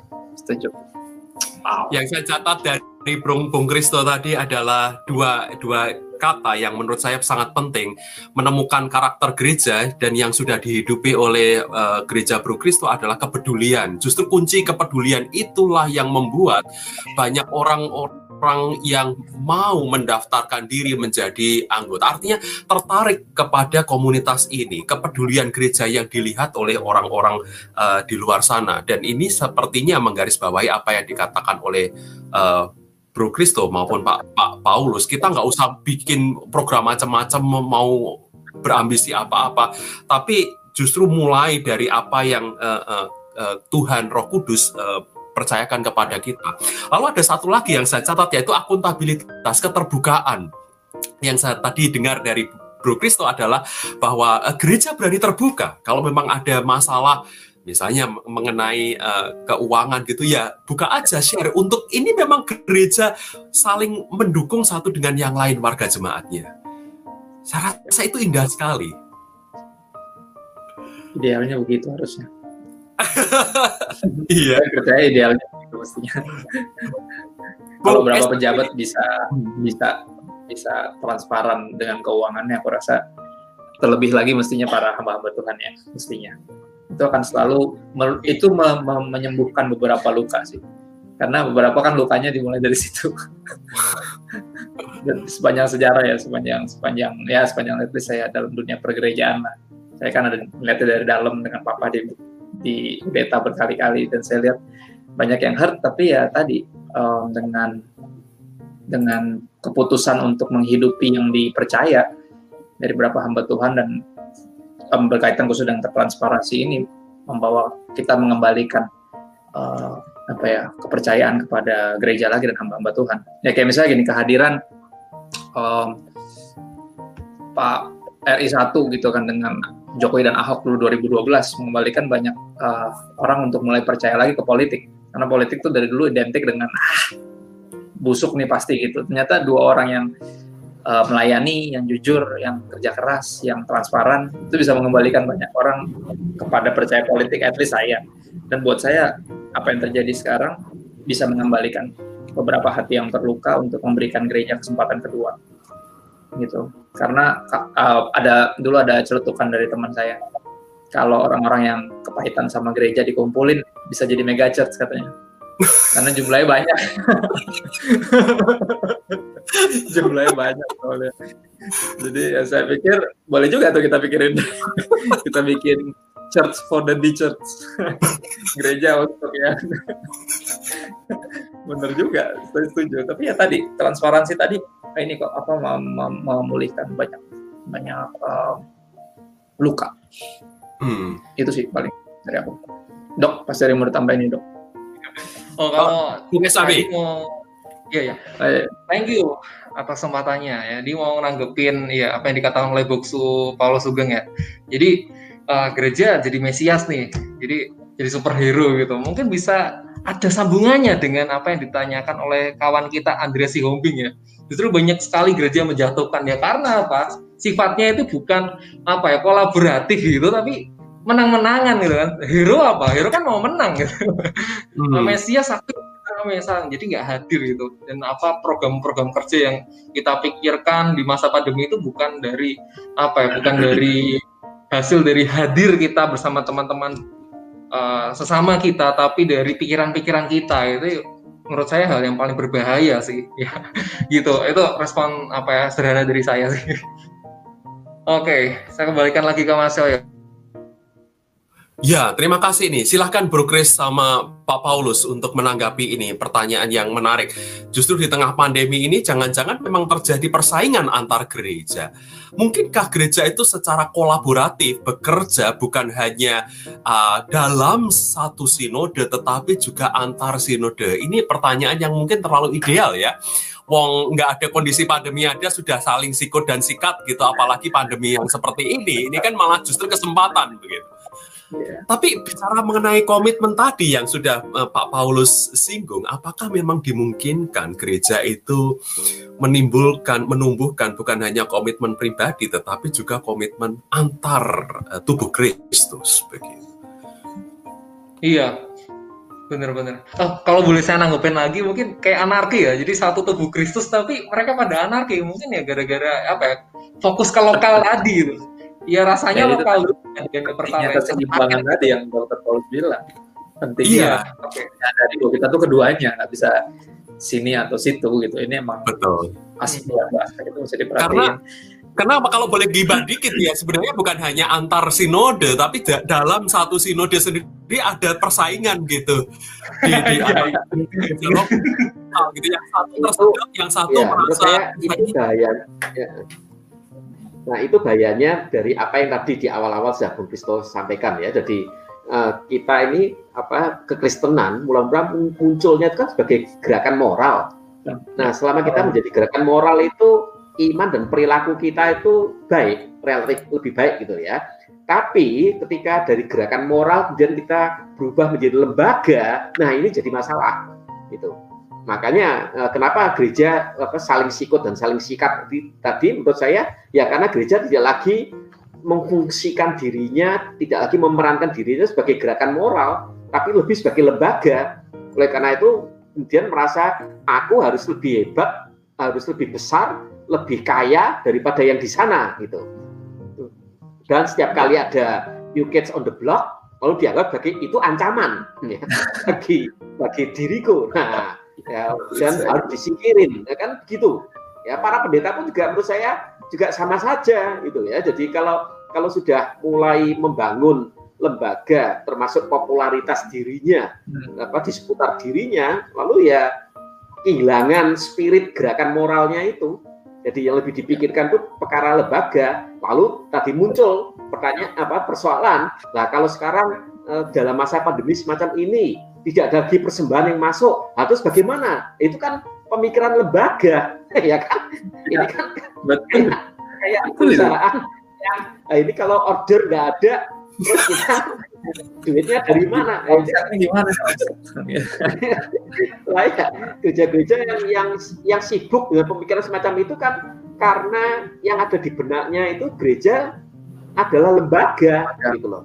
Ini ya. bahkan malah lebih menjurus lagi gereja itu perusahaan. Itu loh ya jadi yang ya, harus ya. dijaga supaya jangan sampai bangkrut. Nah kalau sudah begitu ya memang runyam gitu kalau menurut saya. Ya, ya. Dan dan bahkan pandemi gini jadi ajang buat kayak kalau ada masalah di negara tuh ajang buat pol, apa buat ini buat kampanye gitu. Hmm. kayak partai mau kampanye jadi cari muka bikin apa. Jadi ya buat saya kalau sampai begitu ya apa ya wow to us lah gitu istilahnya. Kalau kalau Yesus boleh pakai kata Tuhan Yesus tuh wow to me wow to you. Dan jangan sampai lah kita sampai ke sana. Aku rasa ini bukan momen ajang buat tadi. Kita juga nggak pernah kepikiran sih maksud dengan kepedulian itu kita lagi mau tunjukkan kepada dunia. Sekali lagi mau ngapain tunjukkan apa maksudnya in the end of day when we love each other kan Tuhan Yesus bilang orang tuh bakal tahu kamu tuh murid saya kalau kamu tuh saling mengasihi. So in the end of day yang kami lakukan adalah hanya transparansi saling mengasihi.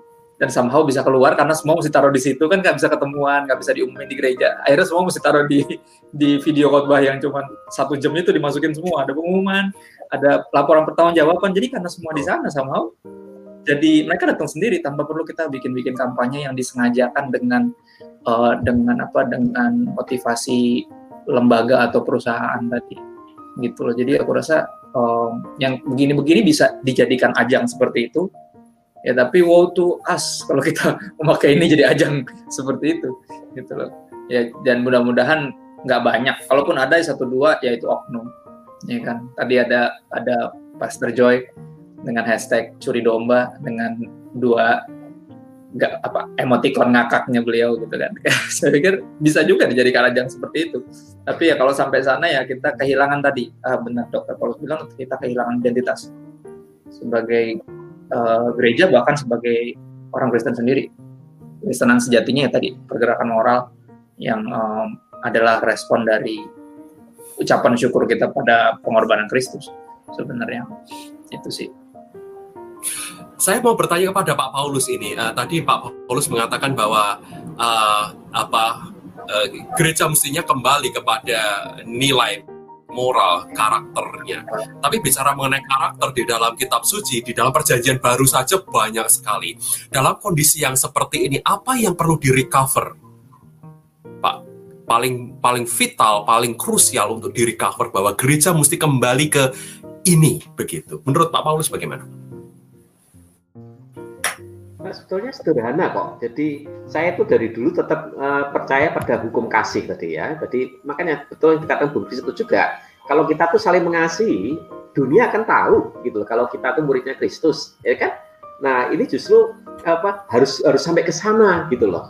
Jadi di dalam kasih itu kita saling peduli. Makanya di misalkan ya saya katakan, oh kita sekarang pandemi tidak lagi bisa apa uh, beribadah dalam gedung gereja. Kita harus worship from home tapi kan harusnya kalau kita orang-orang Kristen langsung bertanya, nah terus umat yang nggak punya HP atau atau nggak punya duit buat beli kuota data, nah terus bagaimana mereka? Nah itu loh. Jadi ini harusnya itu uh, otomatis terpikir ke sana. Ya, mereka yang sekarang ini pada kehilangan pekerjaan, yang kena PHK atau yang dirumahkan tanpa pesangon. Nah, ini harusnya kita langsung berpikir ke sana gitu bukan bukan berpikir bagaimana bisa bayar uang sewa gedung gereja. itu teman saya. Jadi harus harus baliknya ke sana. Makanya tadi saya katakan kita ini tuh justru merupakan test case. Kita tuh gereja sejati atau tidak. Gitu. Yang yang reveal ya. Oh iya, hmm. betul, betul-betul ter, ya. dinyatakan dalam situasi semacam ini itu yang menjadi fokus perhatian kita tuh apa, gitu loh. Apakah kita masih fokus pada kasih tadi, dan saling peduli satu dengan yang lain atau kita lebih fokus pada lembaga tadi pada tentang uang sewa gedung atau gedung gereja saya lama nggak dipakai terus gimana? Mobil mewah saya lama nggak dipanasin terus nanti jangan-jangan berkarat ya kan? Nah itu yang jadi jadi pertanyaan menurut saya. Dan ini sangat relevan dengan kaos uh, Bro Kristo sebenarnya. Church is who we are, not where we go to itu indah sekali loh ini. Ini ini ini sebenarnya sangat-sangat penting untuk kita hidupi sampai sekarang ini. Bahwa inilah yang artinya seharusnya menjadi gereja. Kita pikirkan kembali bahwa gereja itu bukan ke mana kita pergi, tetapi justru identitas uh, orang-orangnya yang ada di dalamnya. We are itu ya yang penting. Hmm. Wow, ya. Yeah. Bro SAW ada ada respons lagi. Saya masih satu pertanyaan ini uh, yang yang sebenarnya ingin saya tanyakan. Oke, maaf tadi ada apa gangguan teknis mengenai internet ya. Ada angin masuk, ada satu yang jatuh. Iya tadi apa penyampaian yang cukup menarik dari dan unik ya menurut saya dari Boksu Paulus dan uh, Bro Christopher Tapi Heru uh, boleh kalau saya bertanya tapi mungkin pertanyaan yang ini ya ya ada mungkin ada sedikit hubungan sama hal ini juga gitu. Um, kita ngomongin soal gereja nih gitu kan. Uh, jangan lupakan ada pendeta di situ gitu. Anggap saja saya sebagai pendeta gitu kan. Anggap saya sebagai pendeta terus apa namanya uh, saya uh, memang hidup kan ada beberapa gereja yang pendeta eh, hidupnya itu dari gereja itu doang kan terus karena pandemi sini uh, jemaat nggak ada pemasukan terus beritanya nggak ada pemasukan. Itu, itu gimana juga? Itu juga apa ya jadi persoalan kita juga gitu. Dan uh, persoalan persembahan mungkin kalau gereja-gereja besar yang uh, protes tuh nggak apa-apa ya. Uh, apa sih yang kurang dari gerejamu? Tapi kalau gereja yang di pedesaan atau yang di kota-kota kecil gitu itu sangat berimbas sekali gitu. Uh, mas mari ditanggapi. Seru uh, saya saya ngutip satu cerita yang saya dapatkan nasihat. Bukan cerita nasihat. Saya tuh pernah ngomong-ngomong sama teman saya bisnismen yang memang sahabat baik saya dan dia memang tingkat tingkatnya sudah tinggi sekali gitu ya dalam bisnis gitu. nah saya pernah juga ngomong-ngomong semacam hal semacam ini. Dan pendapatnya dia itu menarik. Dia ngomong gini gini loh ya harus kamu pikirkan tuh gini. Kalau kamu miskin ya dan semua orang yang lain yang kaya apa semua orang yang lain kaya nah itu kamu mikir tapi kalau kamu miskin dan semua orang lain-lain juga miskin, ya sudah, begitu. Akan sama saja. Ngerti maksud saya?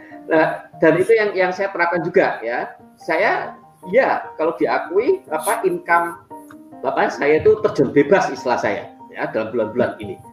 Tapi kalau semua orang yang lain di sekitar saya juga mengalami hal yang sama, lalu ngapain itu saya harus harus stres apa uh, perkara itu?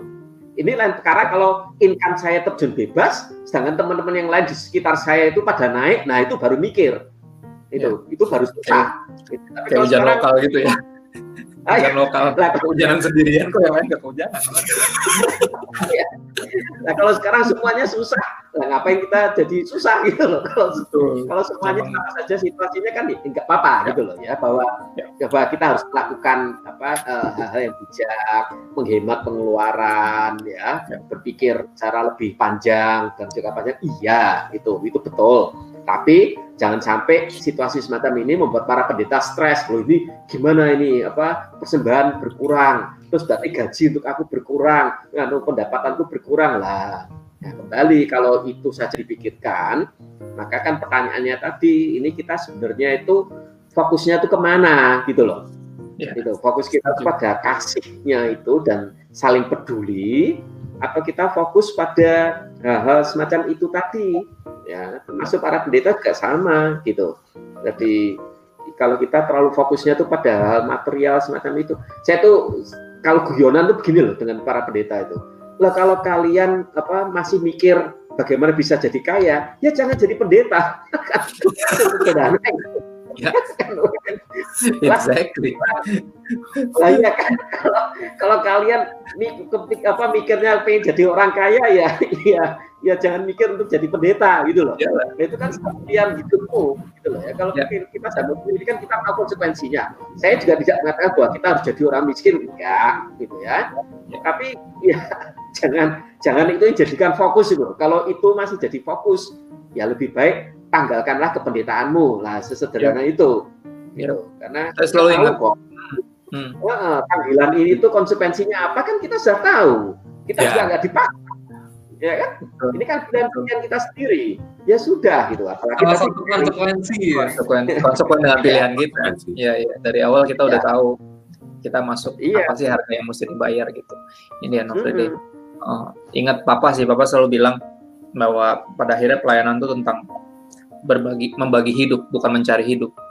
Jadi kalau kita yeah. masih mikirin mencari penghidupan ya belum bakal nggak akan masuk ke ministry apa bilang. Karena ministry benar-benar tentang memberi hidup bukan mencari penghidupan dari situ gitu jadi aku pun dulu juga awal pas ditawarin full time untuk bantuin di gereja aku sempat berpikir demikian karena aku nggak mau nyari duit dari pelayanan. Cuman uh, Tuhan udah berkali-kali tawarin aku full time dan aku nolak terus. Sampai satu titik itu temanku ada yang tegur aku kalau emang Tuhan pengen kamu full time dan kamu menolak dia dengan alasan se apa ya biblical dan idealis apa pun. Kamu menolak kamu melawan kehendaknya gitu. Pada akhirnya ya aku beraniin diri 2015 untuk ya udah full deh.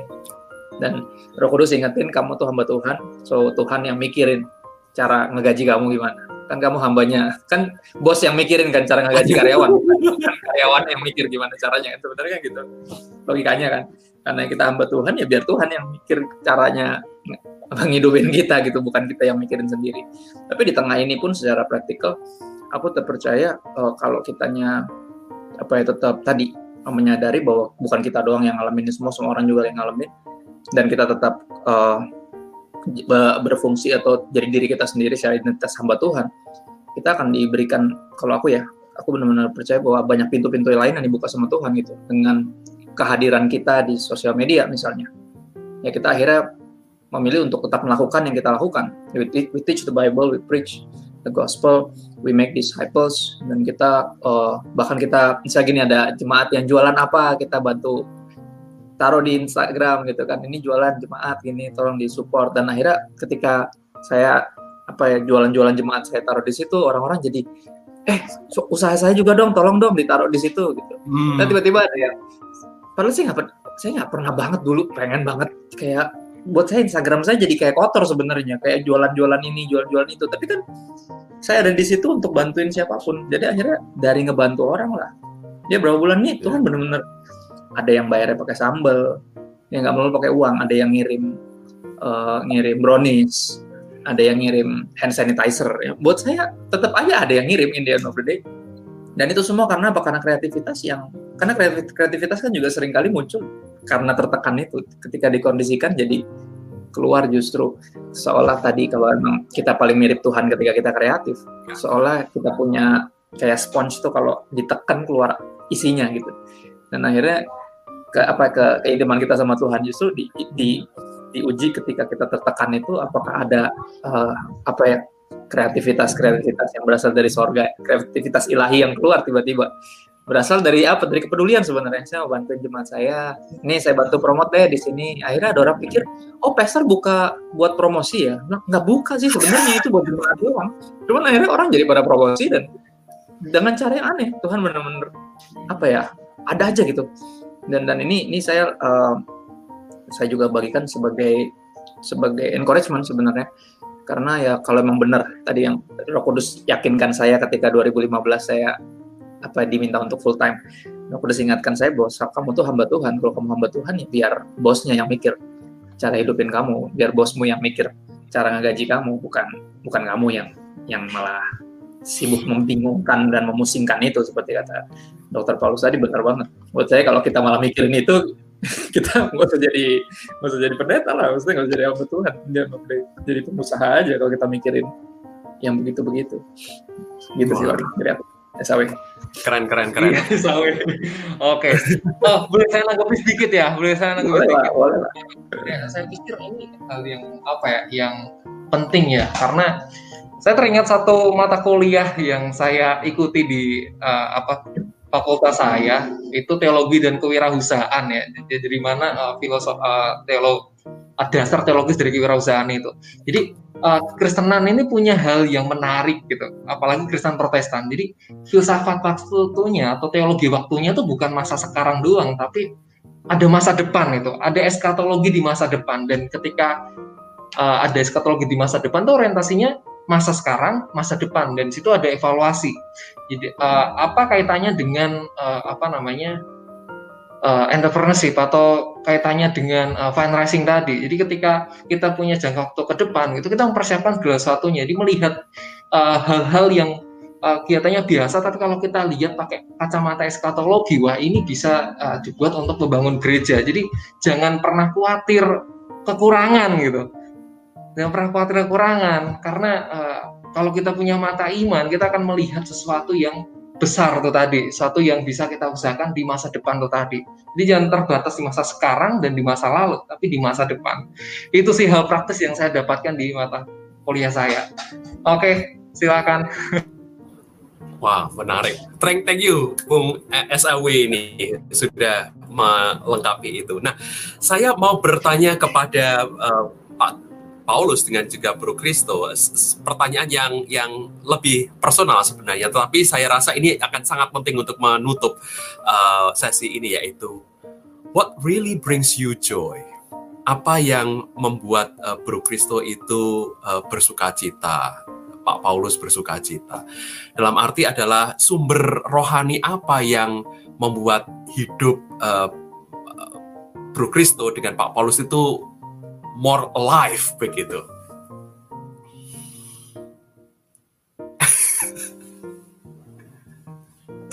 Saya dulu.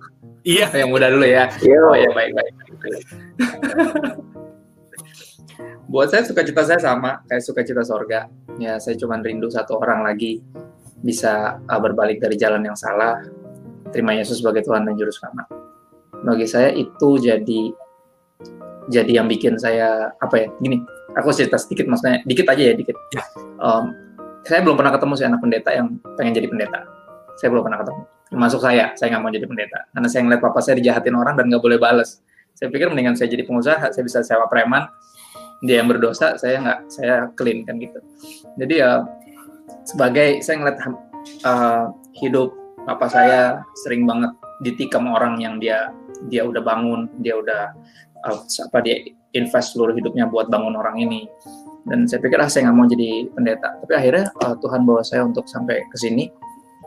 Uh, sepanjang dia di kudeta berkali-kali itu saya bilang udah pak kita berhenti aja deh pelayanan. Ngapain sih kalau pelayanan ujung-ujungnya diginin terus? Saya bilang apa sih yang yang dan papa tetap menolak. Saya bilang emang ini panggilan panggilan ini kita sebagai satu keluarga ini ministry dia bilang ya, saya bilang tapi kalau diginin terus buat apa?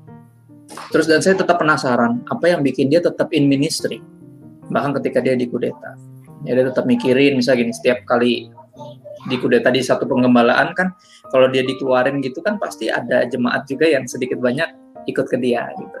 Terus berapa nawarin dengan modal bikin gereja baru aja pak.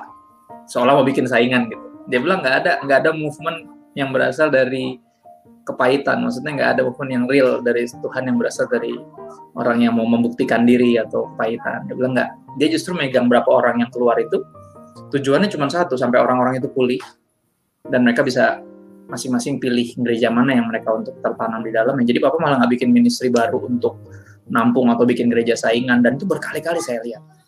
Saya bilang, saya malah penasaran ini kekuatan apa, suka kita macam apa yang dia miliki. Pertanyaan yang sama seperti Bronindo tanya tadi. Akhirnya saya temukan di dalam diri ayah saya, dia bilang, saya papa tuh cuma ada di pelayanan, tiap minggu masih melayani cuma satu. Papa tuh cuma pengen satu lagi orang bisa percaya sama Tuhan Yesus. Dia bilang gitu dong. Dan itu menghasilkan orang kalau boleh pakai bahasa apa ya orang yang paling sakti yang pernah saya kenal di seumur hidup saya.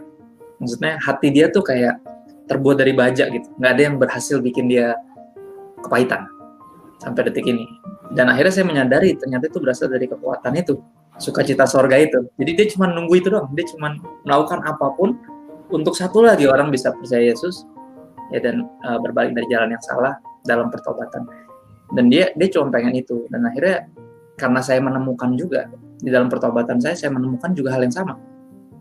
Saya sampai di titik itu, itu yang bikin saya sampai hari ini masih tetap ada di pelayanan. Karena emang cuma itu dong kerinduannya ya satu lagi satu lagi jangan satu nggak sebanyak lah. Karena saya tahu satu aja tuh bikin surga pasti berpesta. Satu. Ini nggak cukup nggak perlu banyak satu aja. Dan buat saya satu itu worth it untuk dan bisa bikin kayak jadi satu motor kayak yang keep the fire burning somehow. Uh, itu namanya uh, sukacita surga tadi. Itu sih brother Nindyo kalau aku. That, that's beautiful brother. Thank you. Thank you. Pak Paulus. Ya kalau saya sih singkat yang uh, kalau dari dulu yang saya latih dari sejak kecil ya sampai sekarang ini saya selalu berusaha untuk bisa merayakan hidup. Nah, ini juga satu kebajikan yang menurut saya banyak orang termasuk orang-orang Kristen sudah kehilangan gitu. Jadi kita tidak mampu lagi merayakan hidup. Nah, orang yang tidak mampu merayakan hidup itu kayak orang yang pakai kacamata hitam. Jadi dia lihat apa pun juga ya jadinya tetap hitam gitu. Jadi lihat lihat orang lain yang dilihat cuma keburukannya, lihat situasi yang dilihat juga keburukannya, jadi akhirnya tidak bisa bahagia.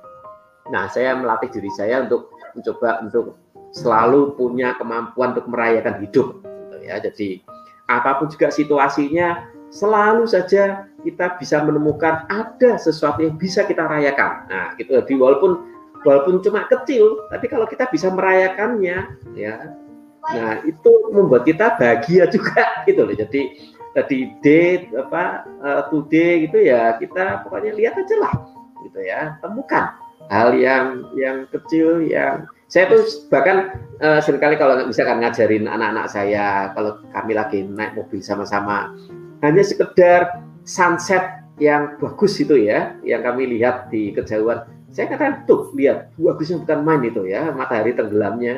Nah itu kan hanya hal kecil begitu saja sudah cukup buat kita untuk menghilangkan rasa capek seharian. gitu. Ini menurut saya yang perlu kita disiplinkan ya supaya kita terus menerus uh, bisa merayakan hidup ini. Bahwa susah, iya susah, pasti hidup itu ada susahnya juga. Kan, tapi di tengah-tengah kesusahan selalu ada yang bisa dirayakan. Masuk dalam masa pandemi ini juga sama. Kalau kita uh, baru hari Minggu kemarin, saya tuh khotbah tentang hal ini juga. Saya katakan kepada umat saya, kalau corona itu membuat kita terhambat dalam pertandingan lari apa uh, iman kita ini, maka berpalinglah dari corona. Pandanglah Yesus. itu. Ya, ya, ya, ya. ya. corona terus kita, kita jadi susah terus itu. Ibrani 12 ya. ya, apa saya memang dari Ibrani 12 itu ya, yang saya ya. pakai. Ya, supaya kita berlari-lari dengan mata yang tertuju kepada Yesus. Nah, itu ya sehingga kita tetap bisa merayakan di tengah-tengah kesusahan ini. Gitu. Ya, itu itu kalau itu apa eh, prinsip hidup saya apa sejauh ini gitu. Ini ini percakapan yang luar biasa percakapan yang sangat-sangat mencerahkan dan seperti yang dikatakan oleh uh, rekan kita Wiwi ini so inspiring, so touching. Thank you so much uh, Pak Paulus dan juga Bro Kristo yang sudah hadir bersama-sama dengan kita dan rekan-rekan uh, tema kita untuk kita kita bicarakan ini kan sebenarnya bicara mengenai gereja. Hari ini masih relevankah enggak sih kita itu bicara mengenai gereja dan ternyata kita tetap butuh gereja dan bagi saya tidak ada kata yang lebih baik mengakhiri sesi ini daripada kaos Bro Kristo. Church is who we are, not where we go to. Itu. Dan akhirnya teman-teman selamat menggereja dan selamat menjadi gereja. Yes. Oke, terima kasih Bro Kristo, terima kasih Thank Pak Paulus.